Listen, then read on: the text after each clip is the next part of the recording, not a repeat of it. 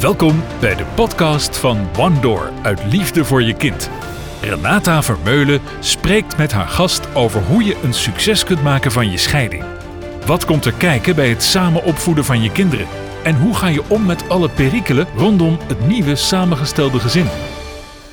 Welkom bij deze podcast en livestream van Wandoor Mediation en Coaching. Mijn naam is Renate Vermeulen en ik help ouders om een succes te maken van hun scheiding, hun relatie en een nieuw samengesteld gezin. Ik doe dit vanuit mijn functie als mediator, als scheidingscoach en als relatiecoach. Deze uitzending is een onderdeel van een reeks uitzendingen over allerhande zaken die iets te maken hebben met scheidingen, met relaties en met nieuw samengestelde gezinnen. En iedere twee weken is er een uitzending met een andere gast. De gast van vandaag. En vandaag is dat Roos Boer. Roos Boer van Succesvol Scheiden, Het Gooi, uit Het gooi. Het Gooi. Oké. Ik ken Roos nu ongeveer een jaar. Ik heb je leren kennen eh, toen ik eh, mij eh, ook inschreef bij Succesvol Scheiden Nederland. Jij bent daar al coach vanaf het eerste uur. Ja. Ehm, nou, leuk dat je er bent. En kun je iets vertellen waarom je eigenlijk scheidingscoach bent geworden? Nou, allereerst uh, dankjewel. Ik vind het heel leuk om hier te zijn. Uh, waarom ben ik dit werk gaan doen? Toen ik zes jaar geleden zelf ging scheiden, uh, kwam ik erachter dat het toch wat moeilijker was dan ik in eerste instantie dacht. En dat is vaak zo. Het wordt vaak enorm onderschat. ja, ons huwelijk was voorbij. Het was niet mijn keuze. En uiteindelijk ja, leg je er toch bij neer. Het is niet anders. En wij wilden, net als alle andere ouders, het zo goed mogelijk regelen. Mm -hmm voor onszelf, maar ook met name natuurlijk voor onze kinderen. Die toen nog best wel klein waren, vier en acht. En um, ja, wij gingen naar de mediator toe. Want ja, twee weldenkende mensen, hoog opgeleid. Dat moest goed gaan. Dat gingen wij tot een uh, goed einde brengen. Maar gaandeweg bij de mediation bleek dat het toch uh, behoorlijk wat ingewikkelder was dan uh, allebei dachten. En er allemaal emoties en gedoe naar boven kwam waar we helemaal geen raad mee wisten. En eigenlijk op het moment dat het uit de hand ging lopen, ben ik hulp gaan zoeken. Want ik zag het niet meer zitten. Ik denk, ja, dit gaat hem niet worden. En dan moeten we toch naar de advocaat.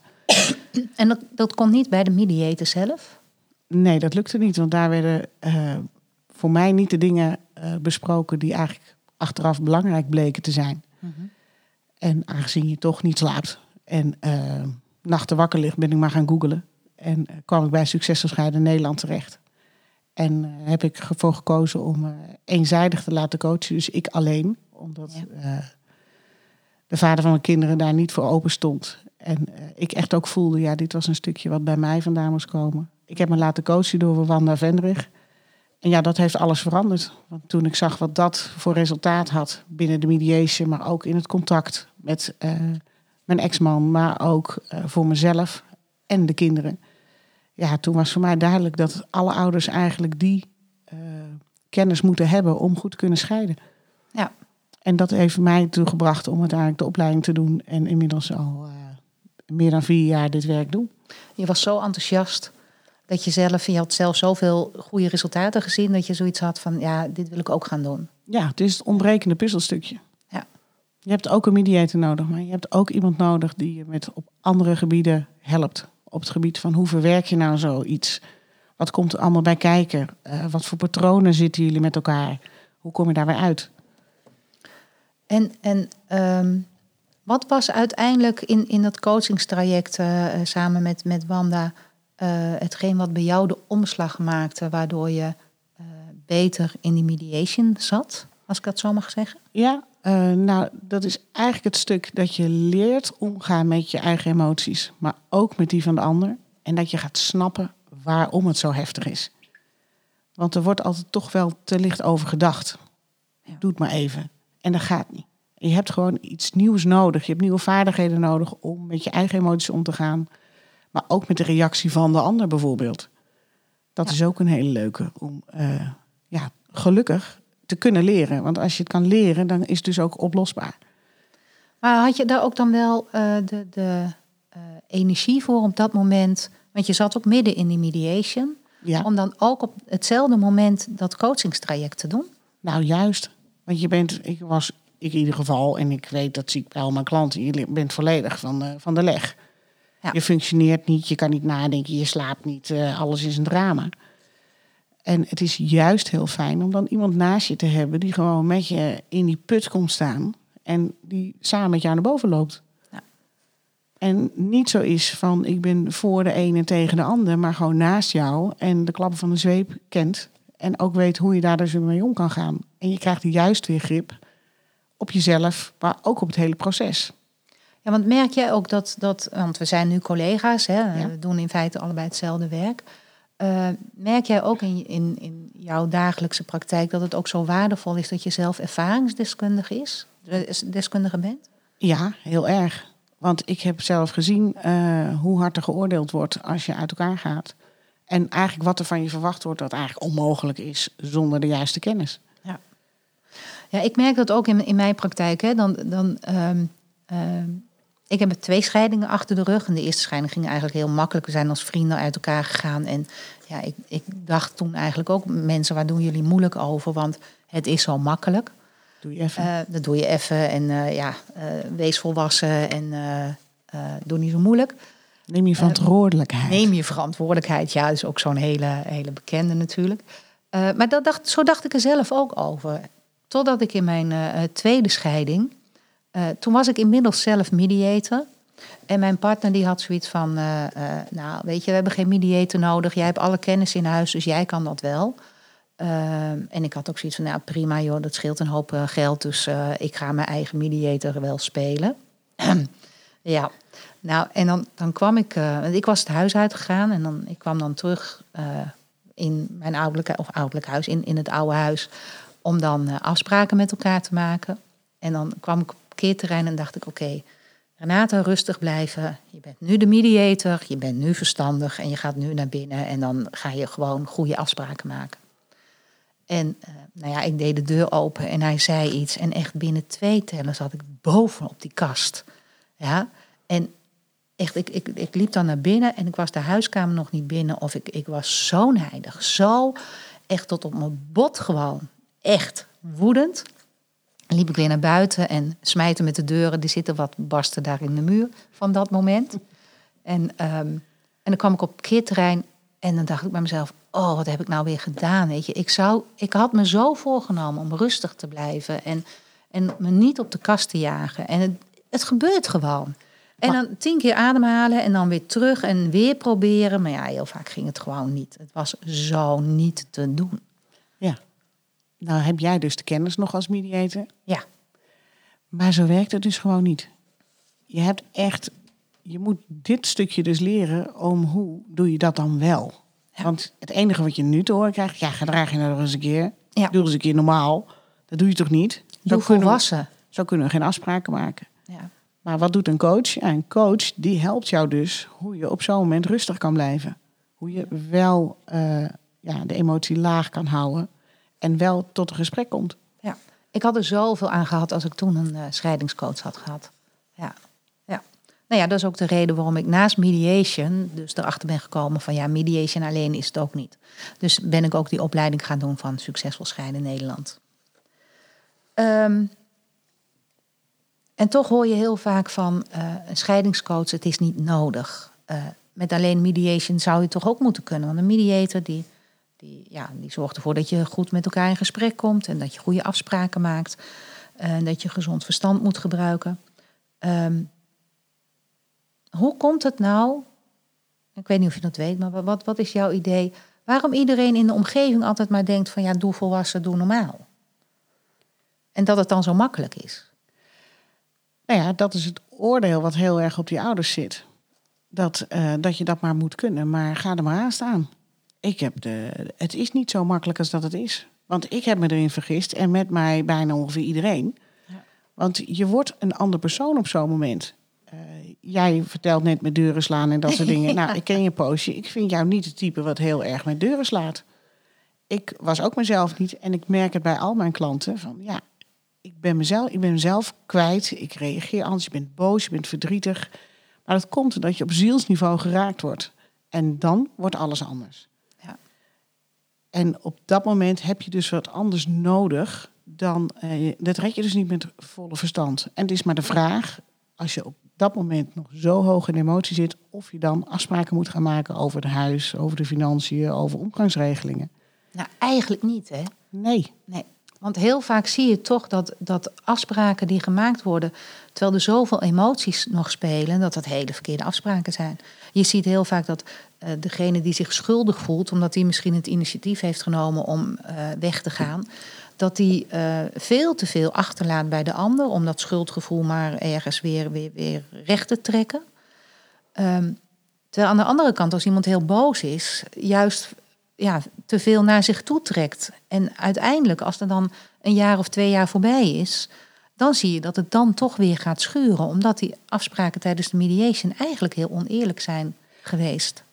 Ja, maar dat is ook meteen de mythe die, uh, die we meteen om zeep kunnen helpen vanavond. Dat is dat heel veel mensen denken, nou als ik nou maar weet uh, uh, hoe de huisvesting geregeld wordt, hoe we het gaan doen met het huis, als we nou maar weten hoe de financiën regelen en een omgangsregeling maken met de kinderen, dan komt er, er daarna wel rust. Nou, nou vergeet het maar. Nee. Het begint dan pas. Ja. Dus als je dan niet geleerd hebt om om te gaan met je verdriet, je verdriet over het verlies van het gezin. En dat geldt voor beide ouders, ook voor degene die de beslissing maakt uh, om weg te gaan. Die mist ook het gezin. En daar zit de diepste pijn. Nou, voor degene die, uh, voor wie het niet de, de wens is om uit elkaar te gaan, ja, die heeft helemaal zoiets van: ja, bekijk eens even, jij wil weg. Uh, dus wil je ook het gezin niet. En dat is natuurlijk niet waar. Nee, dat is niet waar. En die blijft heel lang zitten als je dat niet aan het begin goed uh, aanpakt. Ja.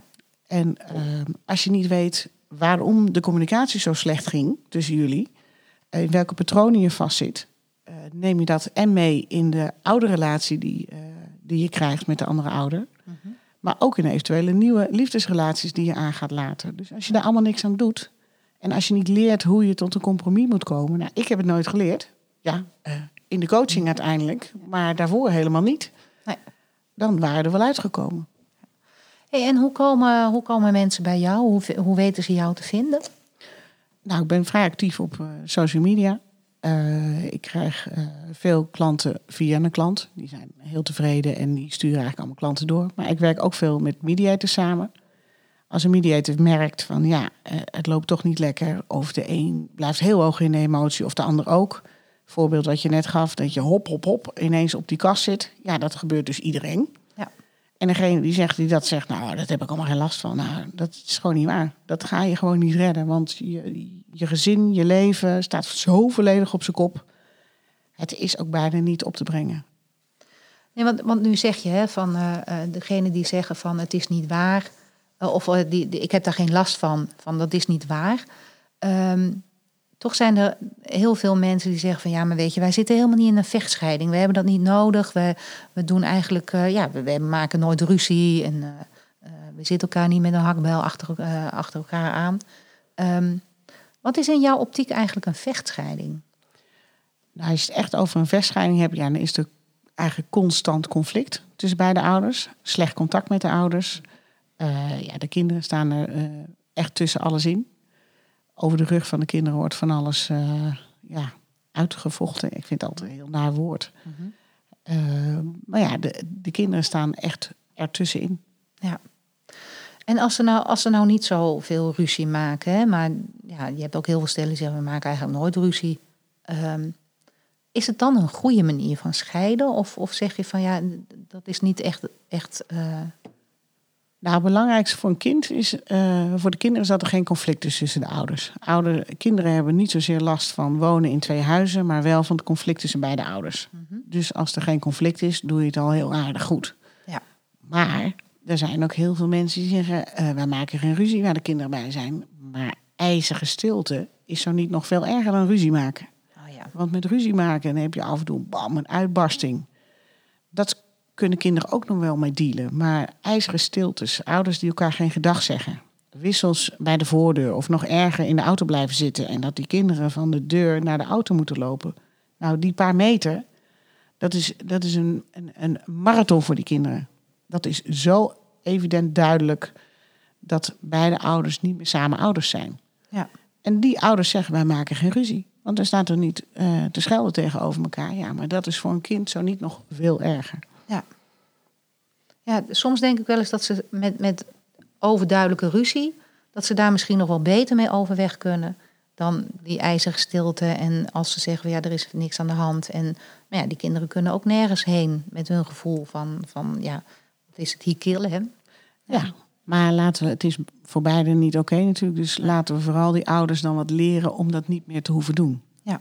Want ik word niet opgebeld door ouders die zeggen: Roos, kan je mij leren hoe ik een potje moet vechtscheiden? Nee. Nee, die bellen meestal niet. Ze vragen altijd aan mij: hoe voorkom ik dit nou? Ja. Eh, ouders bellen ook niet. eh, ik heb vandaag ontzettend zin om eh, mijn ex-partner te kwetsen. Nee. Ook dat vragen ze niet aan mij. En al Nee, helemaal niet, laten we nou eens even de kinderen vandaag eens blijven de schade. Nee. Maar het gebeurt dagelijks. En het zijn dus Maar de allemaal intentie ouders. is eigenlijk altijd goed. Maar het is vaak, Altijd. ze weten gewoon, ja, ze hebben niet de kennis.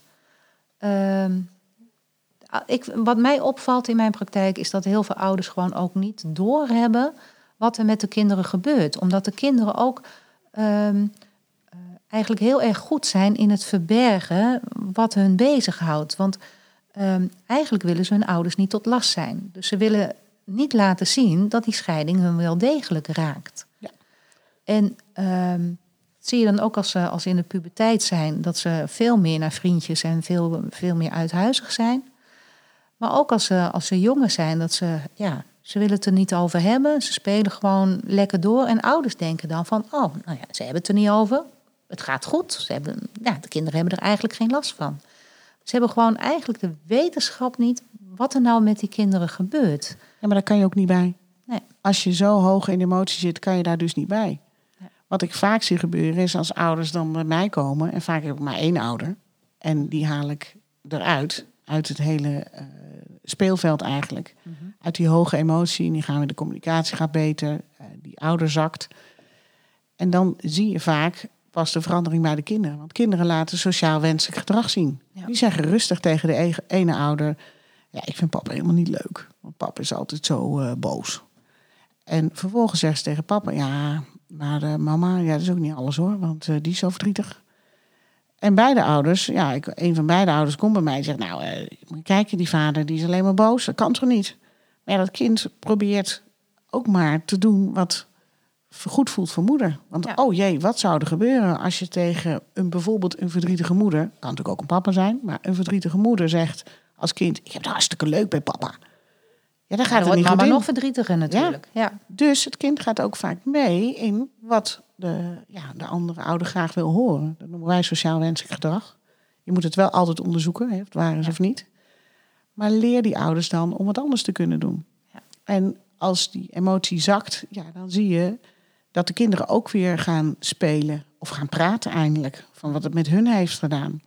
Ja. Kinderen die vertonen soms ook eh, lichamelijke klachten tot aan. eh, ik had laatst een klant. Het kind was tot aan de internist aan toe met buikpijnklachten en vaag. En het, het lukte me niet, lukte me niet. En niemand begreep waar dat kind last van had. Totdat het conflict tussen de ouders eh, opgelost werd. Toen waren de buikpijnklachten weg. Ja. Dus het heeft heel veel invloed op kinderen. Ja. Maar ouders weten het niet. En we moeten daarin ook niet keihard oordelen naar die ouders. Ja, maar ze kunnen het ook niet weten. Hè? Want waar leer je nou wat, wat een scheiding met je kinderen doet? Dat, dat leer je niet op school, leer je niet op een consultatiebureau. Dat, ja, je, zit zelf midden in een scheiding. Je weet zelf al niet wat het met jezelf doet. Precies. Laat staan dat je door hebt wat het met je kinderen doet. En ehm, weet je, op het moment dat je zelf zo in de stress zit, dan, dan, dan reageer je vanuit je reptiele brein, zeg ik wel eens. En dan kun je niet meer eh, goed nadenken. En dan, dan heb je helemaal geen oog, zelfs niet voor je kinderen om je heen. Want je bent heel erg met jezelf bezig. Ja. En dat heb je niet in de gaten. Hey, maar wat je net zei, hè, van eh, eh, ik werk vaak met één ouder. Ehm, bereik je dan wel genoeg? Of moet je eigenlijk met beide ouders werken? Eh, ik, je bereikt zeker genoeg, want uiteindelijk gaat het om het systeem wat anders moet gaan werken. Alles is actie-reactie. Als ik heel hoog in emotie zit, dan reageer jij daar meteen op. En Ja. eh, op het moment dat je één ouder eruit haalt, is in ieder geval het conflict voorbij. Er komt rust. En we blijven dan vervolgens weg uit het gedrag. Want iedereen zit altijd op elkaars gedrag. Ja. Hij heeft dit gedaan, zij heeft dat gedaan. En dat kan toch niet? En de, wat, wat de ander gedaan heeft, kan toch ook niet? Ja, als ik daarin meega, dan, dan zijn we verloren. Ah, ik zoom echt in op de laag eronder. Waarom laat iemand dat gedrag zien? Nou, wat voor uh, gevoelens zitten daaronder? Zit er angst onder? Angst om het gezin te verliezen, angst om de ander te verliezen, uh, angst voor de toekomst. Uh, er kunnen situaties uit het verleden meespelen. En op het moment dat je aan, de, aan die knoppen gaat draaien en daar ook een oplossing voor biedt, ja, dan verandert het rare gedrag aan de bovenkant. Het verdwijnt. Ja.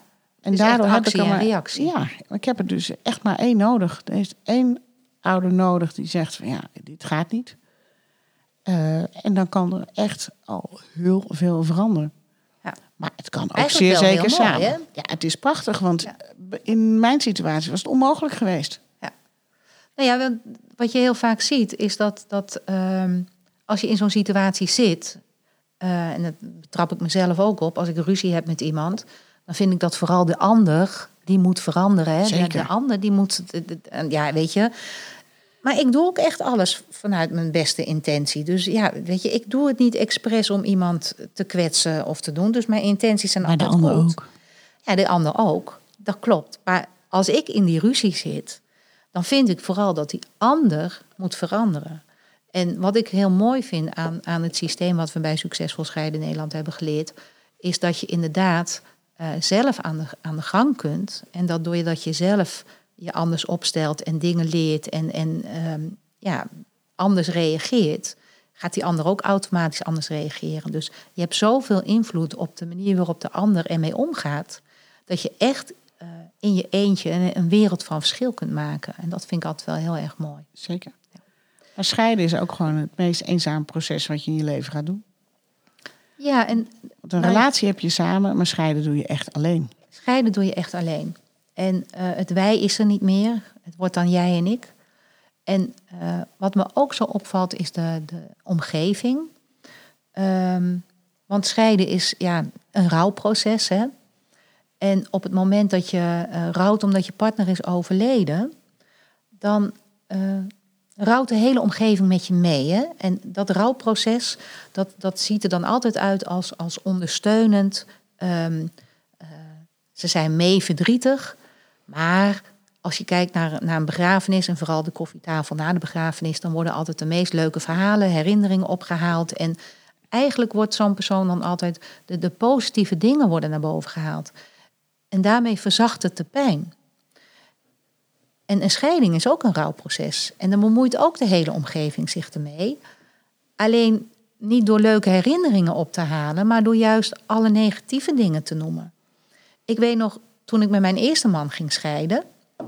En wij gingen echt als hele goede vrienden uit elkaar. En ja, het kaarsje was gewoon op. En we hadden samen nog een bedrijf. En we zijn nog jarenlang collega's geweest. En we zijn ook nog jarenlang, dat is heel ingewikkeld, maar hebben nog in hetzelfde huis gewoond. Daar ga ik nu allemaal niet uitweiden. Maar heel lang zijn we nog hele goede vrienden geweest. Uh, uiteindelijk groei je toch wel uit elkaar. Maar we zijn heel lang nog goede vrienden geweest. Maar mijn hele familie, toen ik vertelde van wij gaan uit elkaar.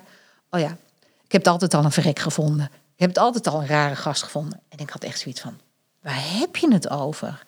Ja?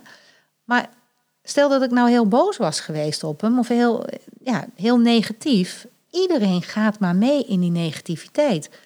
Ook vanuit de beste intenties om jou te willen ondersteunen. Maar het is niet helpend. Het werkt zelfs averechts. Het werkt zelfs averechts. Wat is jouw ervaring daarmee met de omgeving? Uh, nou, omgeving uh, heb je heel hard nodig als je uh, uit elkaar gaat. Maar kan soms ook heel erg tegenwerken. Want eigen emoties van opa's en oma's en vrienden en kennissen, ja, die spelen ook mee. Mm -hmm. Ik weet dat er heel wat vriendschappen ook op onder spanning oh, ja. komen staan als mensen uit elkaar gaan. In een vriendengroep bijvoorbeeld. Het wordt nog interessanter als ze binnen de vriendengroep iemand met iemand anders gaat. Dat oh, komt regelmatig voor. Ja, dan staat zo'n heel systeem op zijn kop. Want ja, dan moet er toch uh, tussen aanhalingstekens partij gekozen worden. Mensen vinden er wat van. Zeker bij vreemdgaan vinden mensen er wat van. Terwijl we niet allemaal goed weten wat er verder speelt en onder zit. Nee. Kijk, uh, opa's en oma's in dit geval, ja. Uh, je kind heeft pijn. Nou, dan kan je 30, 40 of 50 zijn. Dat wil je niet. Nee. Dat je kind van 40 pijn heeft. Dus uh, ja, uh, daar vinden we wat van. En dat is natuurlijk. Boos zijn is veel makkelijker dan pijn voelen. Want uiteindelijk, waar hebben we pijn over? Ja, het verdriet van je kind.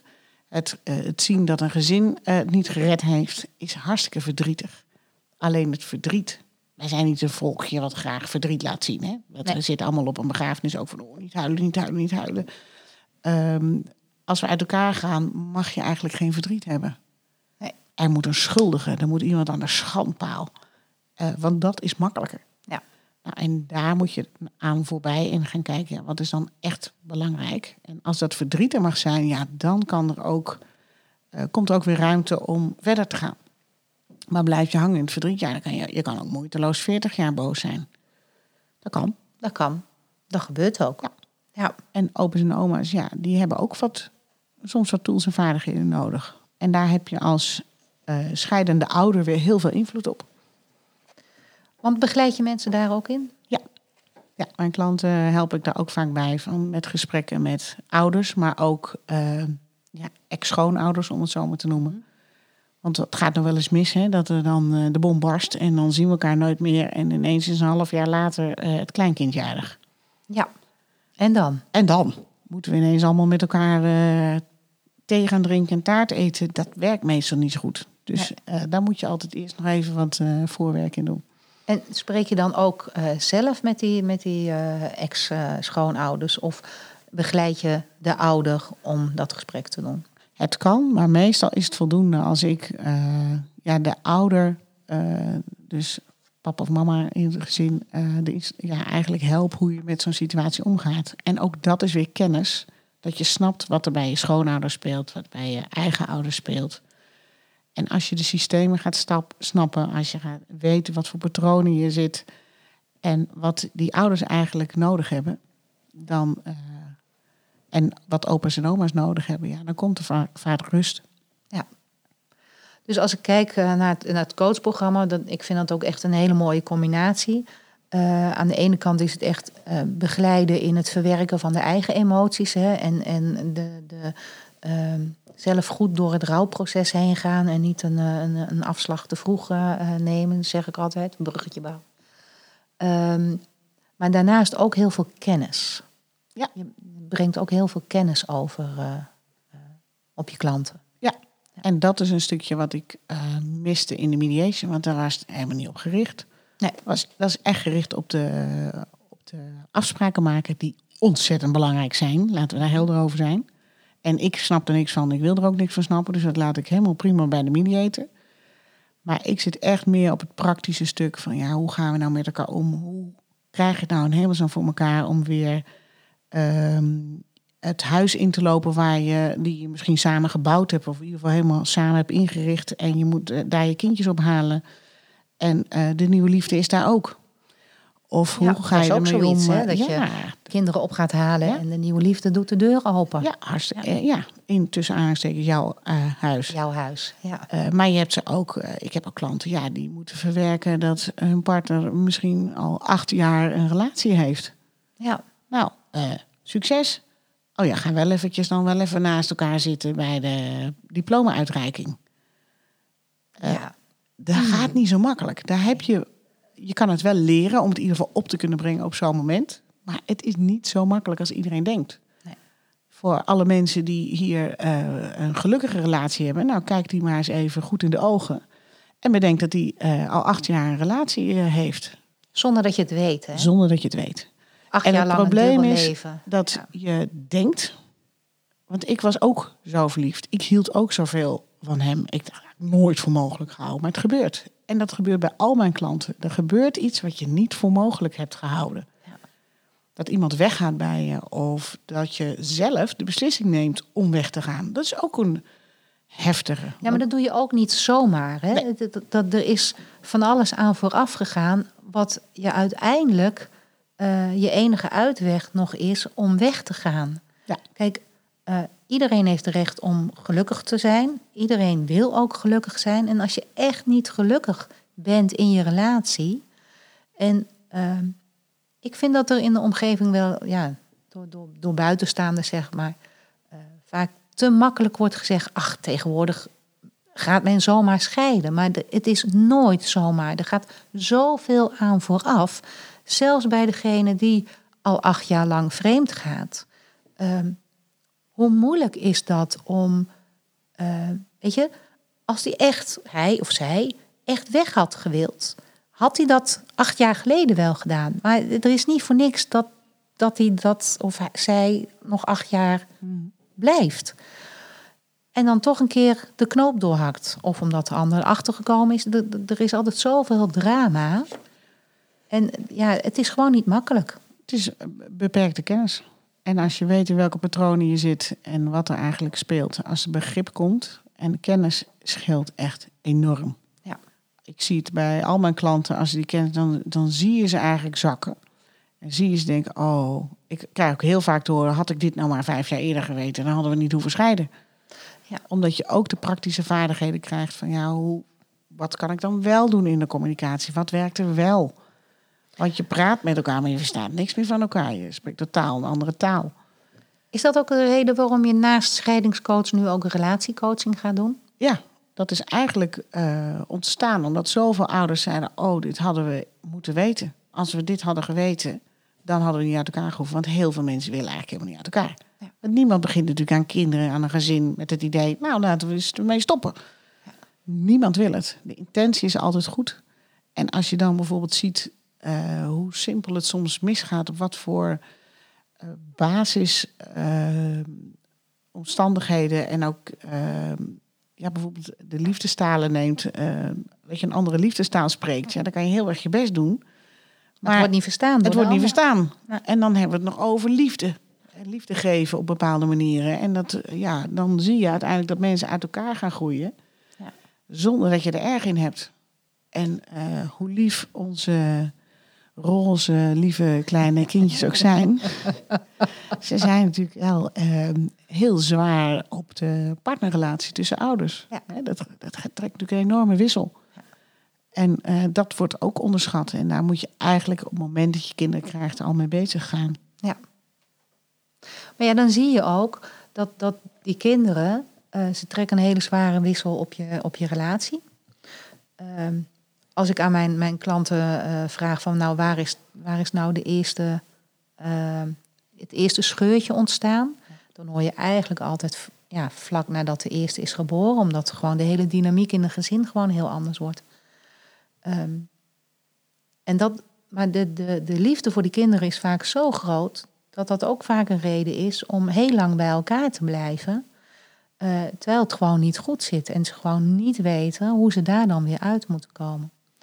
En dan op het moment eh, dat ze dan uit elkaar gaan, willen ze het eigenlijk zo goed mogelijk doen voor de kinderen. Maar ja, aan de andere kant gaat het dan vaak, als ze het alleen moeten doen, heel erg eh, eh, moeizaam.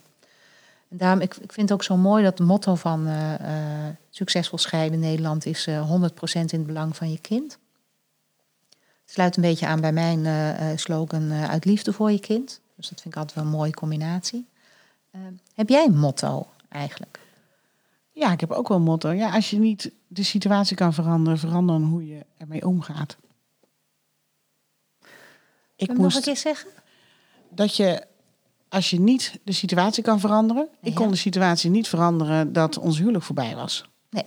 Hij had een ander, dus ja, eh, ik kan op mijn kop gaan staan, maar dat was zo. Ja. Eh, ja, ik kon wel, ik kon daartegen gaan vechten, in het verzet gaan. Ga je sowieso eerst altijd, hoort er ook bij, is heel natuurlijk. Maar daarna, op een gegeven moment moet je ook aanvaarden en eh, verder gaan en, en dan leren hoe je daar het beste mee om kan gaan. Ja. Binnen wat de mogelijkheden zijn.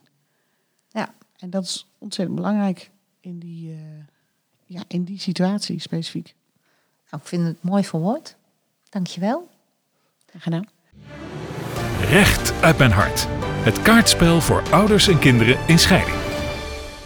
Ehm, een vaste rubriek in eh, eh, deze podcast eh, gaan de kaartjes worden van Recht uit mijn hart. En ehm, ik wil jou eigenlijk vragen om je ook wat beter te leren kennen, ook voor alle kijkers en luisteraars, om drie kaartjes te trekken. En antwoord te geven op de vraag die daar staat. En dan kunnen we kijken wat, daar, wat eruit komt. Ben benieuwd. En dan daarna mag je er ook één trekken voor mij en dan ga ik daar ook antwoord op Eén. geven. Ik moet er drie en ja, jij jij moet er drie. fijn. Ja, maar ik zit hier iedere twee weken. Wat ik graag nog een keer over zou willen doen is. Oeh. Ehm, nou, als ik het nu over zou mogen doen, Ja. zou ik het gesprek eh, wat we hebben gehad met onze kinderen toen we het vertelden, had ik graag over willen doen. Ja, ja. Ik Dat is toen- heel belangrijk, hè? Dat oh, gesprek. het is het rotste gesprek uit je leven. Blijf je je leven lang bij. Ja. En eh, op dat moment, toen wij dat deden, had ik nog niet de kennis die ik nu heb. Dus eh, daarin hebben wij, net als eh, heel veel andere ouders, met de aller, aller, aller, allerbeste bedoelingen, dingen ook ja, niet goed gedaan oh, die we beter hadden kunnen doen. En dat is ook leuk, hè? Want ook daarin kunnen wij ouders begeleiden, hè? Hoe ze dat Juist. gesprek gaan doen. Dus Ja. hoe eerder je kennis vergaart over hoe vertel je het je kinderen, maar zelfs hoe vertel ik het mijn partner. Ja. Want ook als je een, een goede scheidingsmelding doet, Een voorkomt wereld van verschil. een wereld van verschil. Dus ook daarin, ja, daar is een coach ook voor, een scheidingscoach ook voor, om je daarin te begeleiden. Maar nu zeggen we ook altijd, ehm, het is nooit te laat om het gesprek... Je kunt het gesprek nog een keer overdoen, hè? Je kunt Zeker. heel veel repareren. Ja. ja. Heb ik natuurlijk Dus- ook gedaan, Ja. maar eh, ja. Maar desondanks, zou je graag zou willen dat je dat over zou kunnen. ja, omdat ik dan vanaf dag één eh, het, goed, het goed, zo goed mogelijk had kunnen doen. Ja, maar perfect wordt het nooit, hè? Nee, maar ja, je moet hoog inzetten. Hoog inzetten, ja, oké. Nou, Het gaat met de kinderen heel goed op dit moment. oké. Ze zijn blij, ze, zijn, eh, ze gaan blij, eh, ze zijn blij dat ze bij mij zijn. Ook dus niet, maar dat hoort erbij. Eh, Want ze hoe oud zijn ze nu? Ze zijn nu 13 en 9. Oké. Dus Ja, goeie- 13 begint puberteit. Ja, puberteit. Ja, dus die gaat dus zich dat afzetten. gaat ja. zich afzetten. Dat is ook. Ja. En ja, dat is ook in een scheidingssituatie een- andere uitdaging. Want je hebt ook geen. ja, het is lastig om daarover te sparren Ja. met elkaar. Eh, maar ze hebben het ook naar hun zin als ze bij hun papa zijn. En eh, ja, het gaat gewoon goed. Dat is mooi. Ja. Nou, de laatste.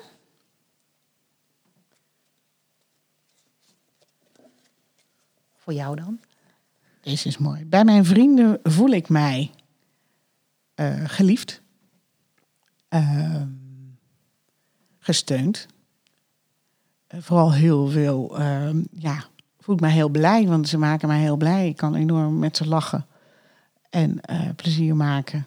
En eh, ja, is fijn. Oké. Nou, mooi. Nou, dan mag je er nog één voor mij. Ik ben heel benieuwd. Waarom doe ik dit? In ieder huis hebben de kinderen nodig dat. In ieder huis hebben de kinderen nodig dat. ehm, ja, ze hebben zoveel nodig. Dat het veilig is, denk ik. En dan veilig, eh, eh, zowel eh, qua zakelijke dingen, de traphekjes en dat soort dingen natuurlijk, maar ook ehm, dat het veilig is dat ze zichzelf kunnen zijn en dat ze ehm, kunnen zeggen wat ze, wat ze ergens van vinden. En ehm, dat zie je toch vaak bij gescheiden ouders. Eh, dat ze niet zo goed durven zeggen dat het bij papa leuk is als ze bij mama zijn. Of dat het bij mama Andersom. leuk is als ze bij eh, eh, papa zijn. Ehm, en ook, ik, ik begeleid dan ook mensen in een samengesteld gezin. Ehm, dat ook de eerlijkheid naar een stiefmoeder of een stiefvader is een rotwoord, stief. Maar oké, iedereen weet dan wat we bedoelen. Ehm, de eerlijkheid daarnaartoe is ook vaak heel erg lastig. Want wat ik zie, dat een, ik noem maar even, een vader met een, met een stiefmoeder, eh, daar lijkt alles goed te gaan. En als het kind dan bij mama komt, die klaagt dan over die stiefmoeder. En die vader die heeft dan zoiets van, ja, waar, waar heb je het over? Want hier gaat het altijd leuk en gezellig. Maar zo'n kind die durft het gewoon niet te vertellen. Want die denkt van, ja, als ik lelijk doe tegen mijn stiefmoeder, raak ik mijn vader misschien wel helemaal kwijt. En dat vind ik altijd de uitdaging voor ouders om te zorgen dat een kind zich veilig voelt. Dat thuis een veilige thuis een basis is waar gewoon alles gezegd kan worden. Ja. Dat vind ik belangrijk. Ja, maar cruciaal is in ouders daar ook wederom weer die kennis te geven. Je, je hebt geen idee Eh, je, je zit niet op een school, eh, hoe word ik stiefmoeder of Nee, nee, stiefpapa nee. Nee. of eh, hoe word ik gescheiden ouder. Eh, nee, maar gelukkig kan je het wel leren. Ja, gelukkig wel. En dat is, eh Ja. ja. blijven niet meer zitten. Nou, leuk. Dat waren de kaartjes recht uit mijn hart. Boekentip van Renata en haar gast. We gaan iedere keer een boek bespreken. En ik heb aan jou gevraagd, welk boek ehm, vind jij bijzonder? En toen kwam jij met eh, eh, de keuze van eh, Edith Eva Eger. Eger of Iger? Ja, Ik weet het eigenlijk niet. Eger, ja. Eger. Dus dat zijn op de Hollandse naam. Ja. Ehm, wat maakt dat jij dit boek hebt uitgekozen? Nou, ik ben vorig jaar is deze dame, ze is dik in de negentig, was ze in Nederland. Zij is Auschwitz-overlevende. En ehm, het is een ontzettend bijzondere vrouw. Eh, een zaal vol met mensen en eh, hingen allemaal aan haar lippen met alles wat ze zei. Want ontzettend inspirerende vrouw. Ik kan iedereen aanraden om dit boek te lezen of wat filmpjes van deze dame te kijken op eh, YouTube. Er is genoeg. En ehm, zij zegt eigenlijk heel simpel: je hebt altijd een keuze. Je hebt de keuze hoe je met iets omgaat.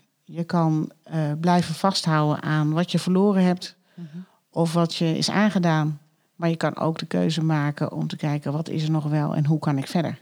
Ja. En met alles wat zij heeft meegemaakt, ehm, is het bijzonder knap dat ze dat op dat moment eh, nog heeft, die keuze heeft kunnen maken. Dat ze altijd nog het stukje zag wat er nog wel was. Ik weet nog dat je, dat je eh, dit boek noemde. Nou ja, dan heb ik voor mezelf de verplichting dus om dat boek te lezen.